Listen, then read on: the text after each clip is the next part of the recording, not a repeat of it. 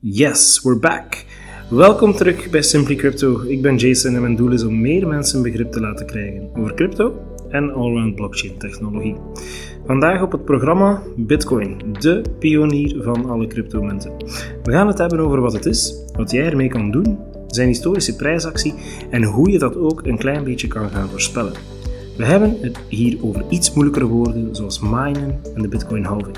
Maar binnen een twintigtal minuutjes weet je er alles van. Dus, zonder twijfelen, let's go!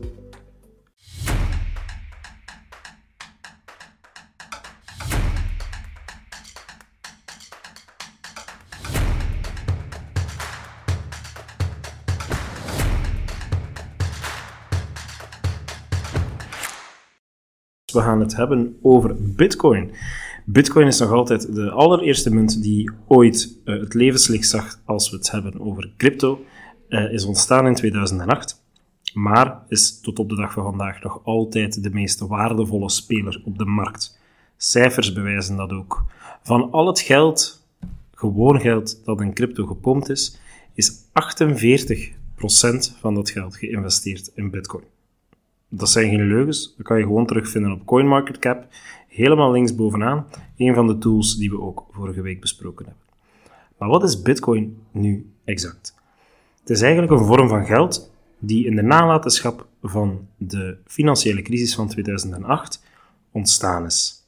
Het is eigenlijk ontstaan door een pseudoniem, Satoshi Nakamoto. Niemand weet wie de echte identiteit van die man is. Het zou kunnen gaan om een man, om een vrouw of om een collectief. Dus niemand weet wie Bitcoin of het contract waar Bitcoin op draait eigenlijk gevormd heeft. Het is ontstaan of voor het eerst vrijgegeven in 2009 en het werd uitgebracht als een soort van open source project. Wat eigenlijk betekent dat de broncode voor iedereen beschikbaar is om te bekijken, maar ook om te gebruiken. Maar waar dient het nu exact voor?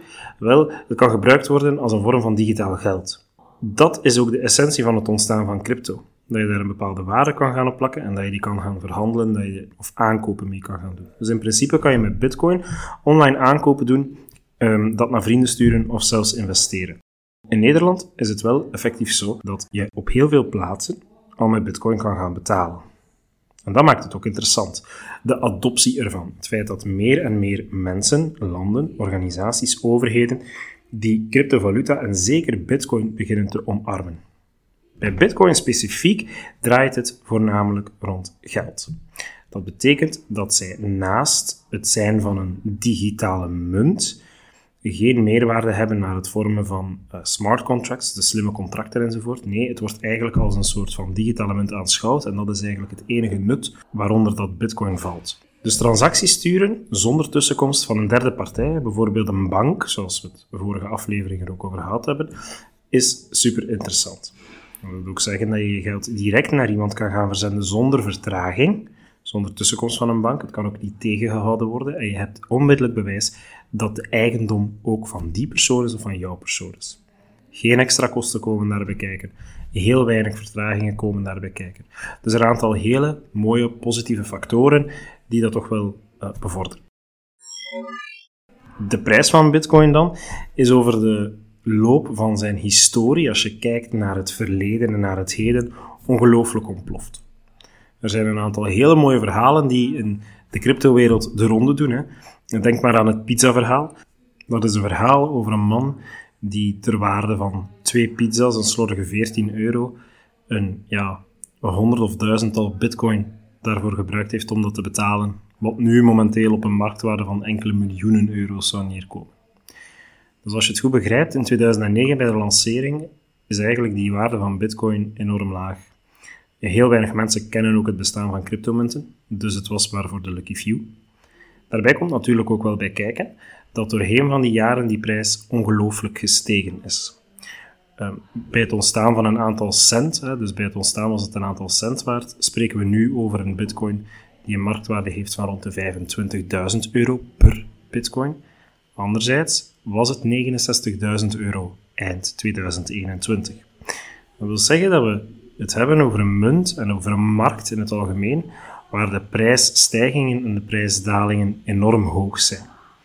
Nu, waarom komt dat? Dat is dan ook de vraag. Eerst en vooral De cryptomarkt is een zeer nieuwe markt. Waar een zeer nieuwe markt is, heb je instabiliteit of onzekerheid. Het wordt heel vaak door influencers beïnvloed. Denk maar aan Elon Musk, die heel wat uh, prijzen de afgelopen boeren de hoogte heeft ingejaagd, maar ook weer de dieperik heeft ingestuurd. Maar het draait om meer dan dat. Het draait ook rond het feit dat de cryptomarkt op bepaalde punten niet zo veilig was. Dat het mogelijk was en is om er criminele activiteiten op uit te voeren. Naast deze gekende nadelen is de veiligheid van crypto in het algemeen de laatste jaren wel echt enorm gestegen, maar daar ga ik een aparte uitzending aan wijden. Wat betreft Bitcoin is die prijs gegaan van een aantal cent naar op zijn toppunt 69.000 euro. En ik verklaar dat toppunt wel binnen het feit dat dat een momenteel toppunt is. Want we verwachten dat Bitcoin in de loop van de komende jaren nog een hele hoge raketstrap gaat nemen en naar de 100.000, misschien zelfs hoger gaan. Om een klein beetje mijn voorspelling daarin te bevestigen, neem ik jullie graag mee naar wat Bitcoin achter de schermen nu eigenlijk exact doet. Bitcoin is een netwerk dat draait op de blockchain. Dat heb ik vorige keer uitgelegd wat dat is. Dat is een soort van groot boekhoudkundig systeem. Maar dat boekhoudkundig systeem dat moet onderhouden worden. Omdat dat boekhoudkundig systeem moet onderhouden worden, wordt er een proces gebruikt waarbij dan mensen of groepen um, die blokken minen. En minen, wat betekent dat? Dat is het proces waarbij nieuwe bitcoins worden gecreëerd en tegelijkertijd transacties, dus betalingen van één persoon naar een ander, doorgaan op dat netwerk.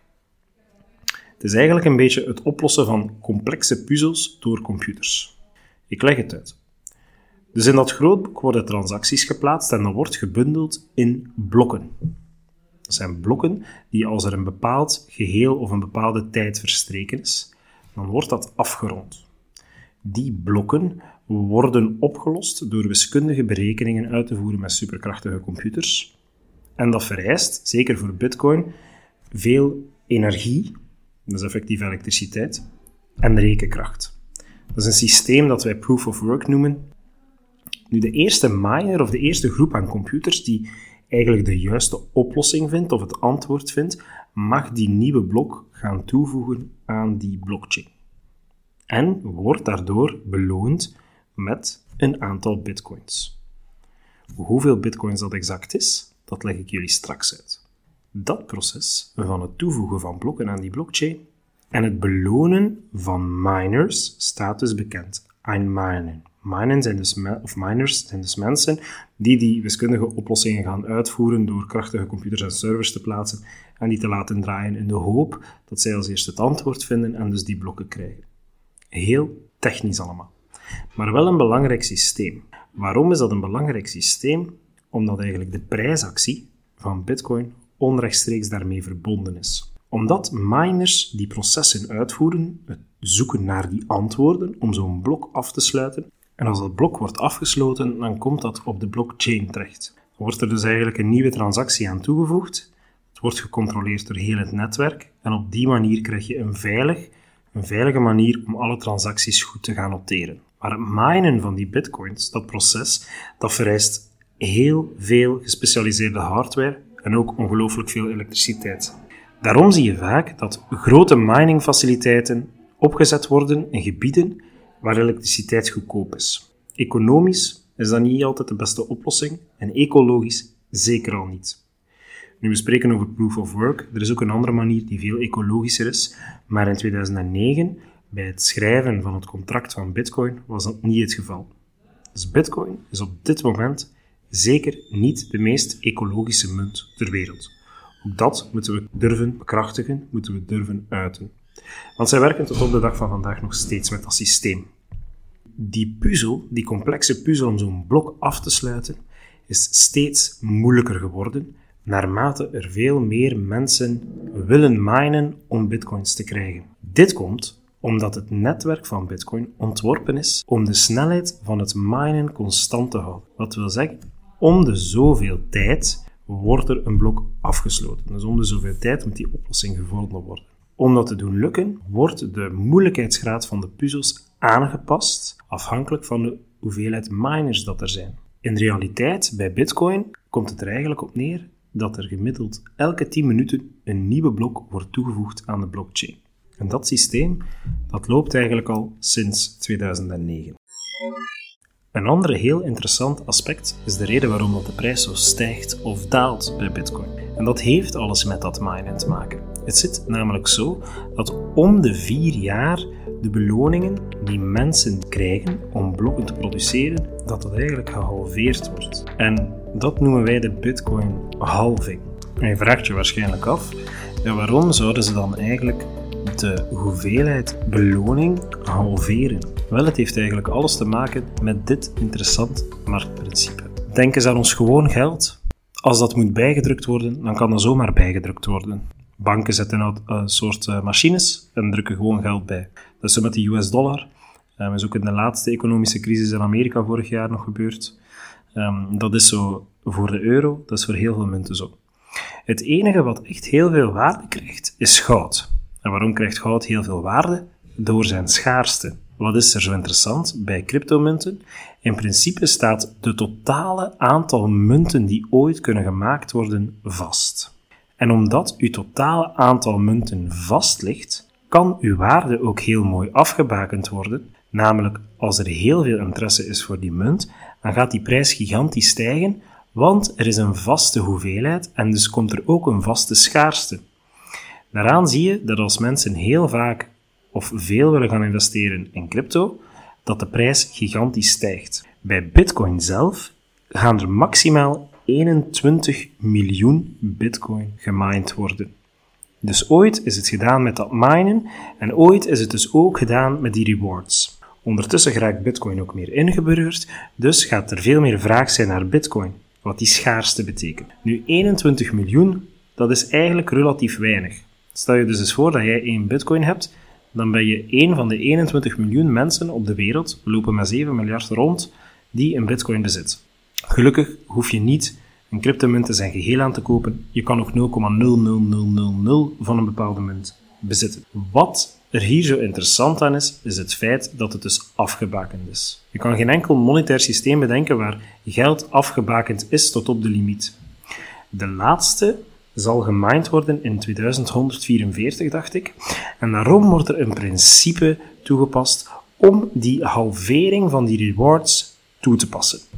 De wiskundige puzzel wordt moeilijker, maar anderzijds krijg je wel nog een deel bitcoin uitbetaald, maar er is ook heel veel vraag naar bitcoin. Steeds meer en meer trouwens, waardoor eigenlijk dat max-sentiment telkens een ongelooflijke bullrun heeft gezien. Waardoor we telkens gemerkt hebben dat na die halvering de prijs gigantisch stijgt. Om een voorbeeld te geven, in november 28, 2012 kreeg je per geminde blok 25 bitcoins. Wat gigantisch is, hè? 9 juli 2016, vier jaar later, kreeg men 12,5 bitcoins per transactie of per blok die ze geverifieerd hebben. Vier jaar later zitten we in 2020. Op 11 mei is dat opnieuw de helft van die 12,5, namelijk 6,25 bitcoins. Wat gebeurt er nu?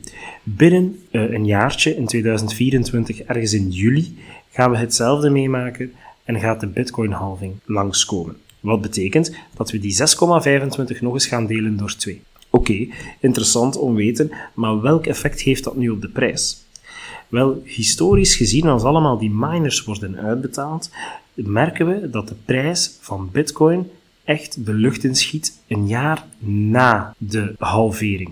We hebben gezien, ik had het daar straks over 2012, 25 bitcoins uitbetaald, dat we een grote push hebben gekregen in 2013. In 2017, een jaar na de halvering in 2016, is bitcoin van 3000 euro naar 20.000 euro gegaan.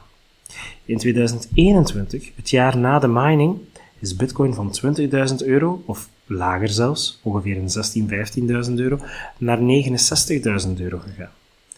Ondertussen zakt hij naar 25.000 euro, maar we kunnen verwachten, als we optimistisch mogen zijn, dat de prijs van Bitcoin in 2025, een jaar na de volgende halving, zeker de kaap van de 100.000 gaat reiken. Deze gegevens kan je perfect ook nakijken op allerhande crypto-websites, zoals ik die in de vorige aflevering ook heb aangeduid. Maar vooral ook op CoinMarketCap of op CoinGecko kan je op de grafiek eigenlijk perfect die marktcurve telkens gaan volgen. Op die manier kunnen we een klein beetje de prijs gaan voorspellen en ook de bullrun en de bearrun gaan aftasten. Een bullrun is wanneer het economisch zeer goed gaat, een bearrun is wanneer het economisch zeer slecht gaat binnen een bepaalde markt.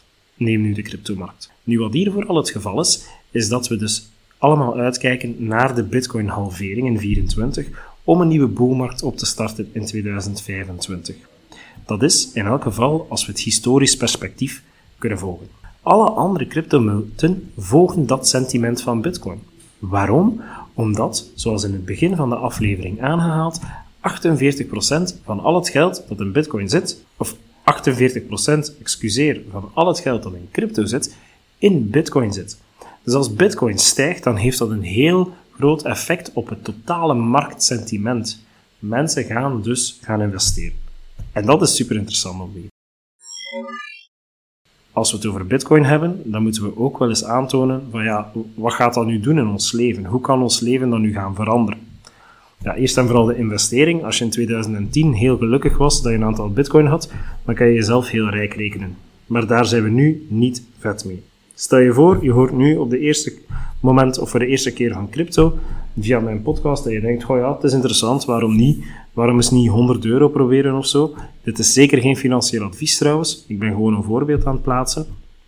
Maar het, doet niet, het is niet alleen maar een investeringsmiddel. Het is niet alleen maar dat je kan zeggen, oké, ik investeer 100 euro en ik ben dat eventueel kwijt, of ik maak daar bijvoorbeeld 300 euro van. Het is ook het feit dat je de mogelijkheid hebt om bijvoorbeeld geld over te maken of te krijgen vanuit andere landen, zonder dat je eigenlijk nood hebt aan een soort van uh, financiële infrastructuur. Bitcoin en crypto en blockchain in het algemeen zorgt er eigenlijk voor dat de unbanked, de mensen die niet, die geen bank hebben, dat die toch op een of andere manier, op een digitale manier, met geld kunnen gaan ruilen. Bij traditionele banken, als je geld wil um, overschrijven naar een ander land, heb je vaak een hogere kost. Je hebt een transactiekost, maar het duurt ook een hele tijd voordat je dat iets op jouw rekening komt. Nou, bij Bitcoin kan je dat gewoon onmiddellijk doen, waar ter wereld dat ze zich ook gaan bevinden, zonder dat er iemand bij betrokken is. Dus uw geld blijft uw geld en een ander zijn geld blijft een ander zijn geld.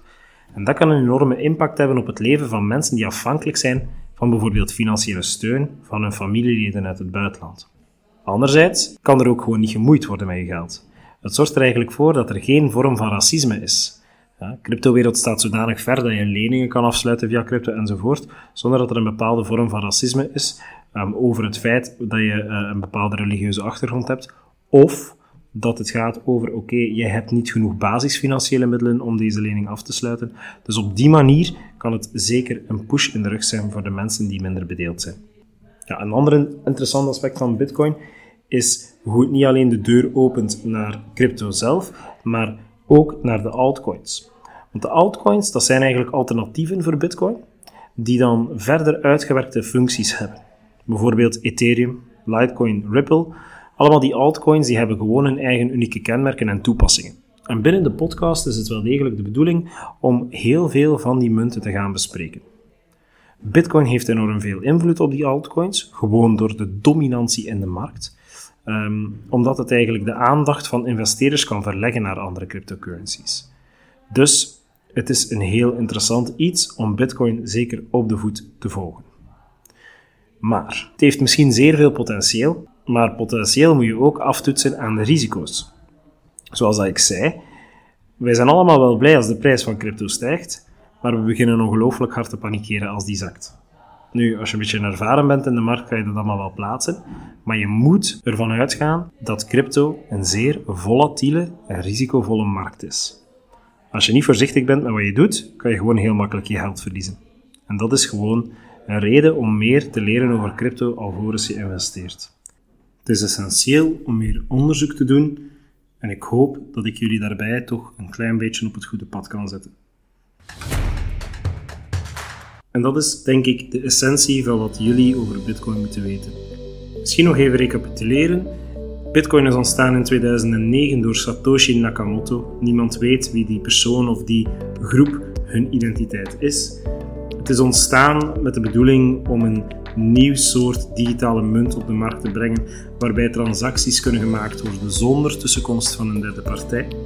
Die draait op een technologie die we de blockchain noemen En nog interessanter dan dat is het feit dat de marktwaarde eigenlijk alleen maar stijgende is door de, het vastleggen van het aantal munten, namelijk 21 miljoen op termijn. We hebben gezien wat minen is, een manier om het netwerk te onderhouden. En anderzijds hebben we ook gezien wat de halvering is. Dat is de beloningen voor die miners die door twee gedeeld wordt om de vier jaar. Met als resultaat dat de prijs het jaar daarop telkens in de lucht schiet. En dit was dan zowat de eerste aflevering van Crypto Spotlight, waarbij we de pionier hebben bekeken, Bitcoin. Volgende aflevering mogen jullie van mij verwachten dat ik jullie ga uitleggen hoe je crypto koopt, hoe je die bewaart, hoe je die verkoopt. Een zeer interessante aflevering dus, want als jullie geïnteresseerd zijn, kunnen jullie daarna toch al eh, met minieme kennis aan de slag om zelf jullie uh, stap te wagen in een toch wel volatiele uh, beleggingswereld. En rest me jullie gewoon nog te bedanken om naar Simply Crypto te luisteren. Ik hoop alvast dat het leerrijk was. Als jullie vinden dat het leerrijk was, mogen jullie mij gerust volgen, ook op Instagram, simplycryptonl. Um, en daarnaast kan je, me zeker, kan je zeker ook abonneren op Spotify. Raten mag natuurlijk ook. Ik hoop dat ik op die manier toch wel uh, wat van betekenis kan zijn voor jullie. En omgekeerd ook, jullie ook voor mij. Bedankt voor het luisteren. Uh, tot zaterdag, want dan uh, brengen we dus die aflevering rond hoe koop je en verkoop je crypto. Tot dan!